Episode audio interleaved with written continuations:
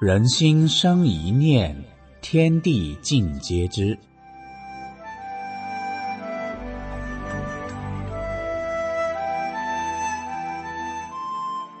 听众朋友，您好，欢迎收听明慧广播电台《善恶一念间》节目。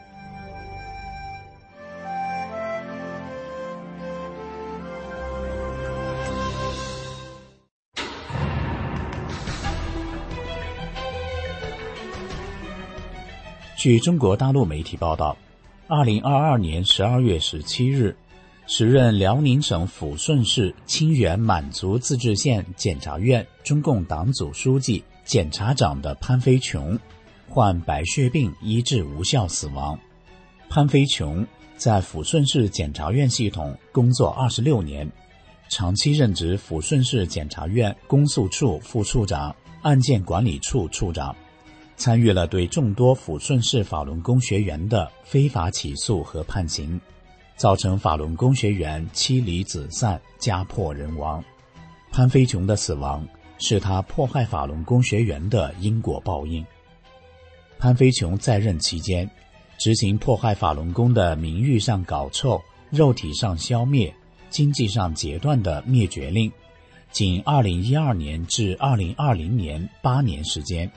抚顺市至少有一百四十一名法轮功学员被非法判刑，有多名法轮功学员遭迫害含冤离世，潘飞琼负有罪责。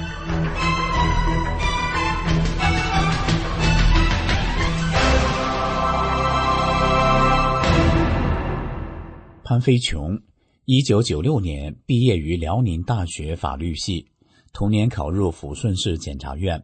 从1996年到2015年，潘飞琼任公诉处副处长；2015年4月任案件管理处处长；2021年任抚顺市清源满族自治县检察院党组书记、检察长。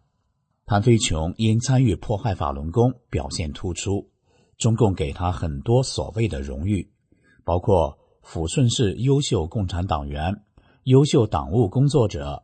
优秀公务员，二等功两次，三等功六次。二零零八年，辽宁省十佳公诉人；二零一四年，辽宁省杰出检察官；二零一六年，他带领的部门被评为先进集体；二零一八年十一月十四日，被最高检察院记个人一等功等等。二零一五年三月，抚顺地区有十名法轮功学员被非法判刑。当月居全国各城市之首，其中六十岁以上的有七人，八十四岁的王家国老人被非法重判六年。仅在二零一六年，抚顺有十八位法轮功学员被非法判刑，其中十二人是由抚顺各级检察院、法院误判的，并且有几位是年近七旬的老人。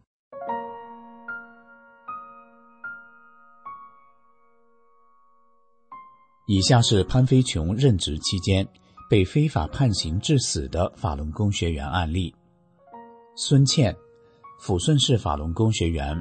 二零零二年，孙倩因挂法轮功真相条幅，被抚顺市公安一处非法抓捕，后被非法判刑九年。二零零三年秋，孙倩被转至沈阳监狱城，监区长李建国不让家属见面。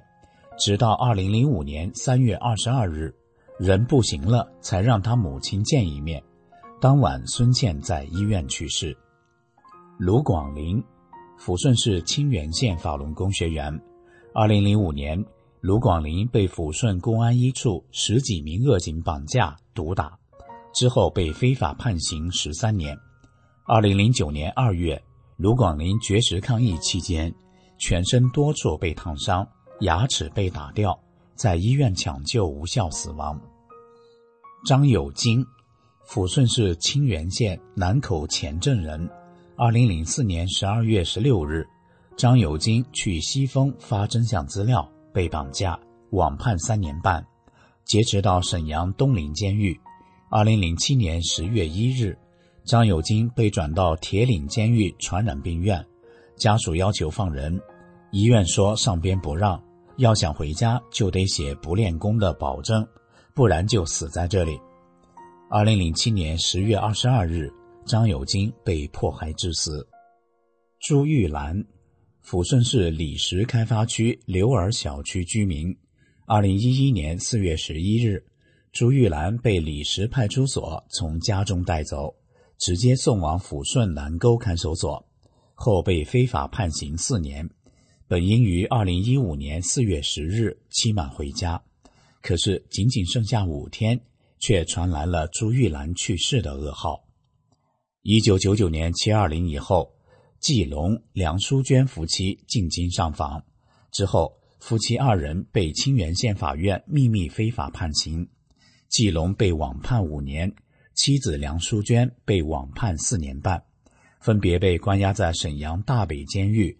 和沈阳女子监狱遭受迫害，季龙在大北监狱被迫害的骨瘦如柴，眼底严重出血，双眼看不清人，在狱中也不给医治。二零零四年十月，季龙回到家中，还被敲诈勒索罚款六千元。由于身体极度虚弱，加上不断受到中共人员的骚扰，季龙含冤离世。胡国建。原抚顺矿灯厂职工，二零零零年十二月被非法判刑十年。二零一五年七月七日，胡国建在发放真相资料时，被抚顺阿金沟派出所警察绑架。十二月九日，家属得到胡国建被非法判刑四年的通知。二零一六年五月四日，胡国建被劫持到本溪监狱八监区，遭到暴力殴打虐待。在春寒料峭时，狱警用冷水浇头、浇全身，还踢他的头部，造成脑血管破裂、脑干出血，被送到本溪市中心医院做开颅手术后，头盖骨缺失，颅骨塌陷，成植物人，于二零一八年五月十五日凌晨离世。多年来，辽宁省清原县遭检察院检察长潘飞琼经手迫害的法轮功学员。还有很多，如此的罪恶怎能没有报应呢？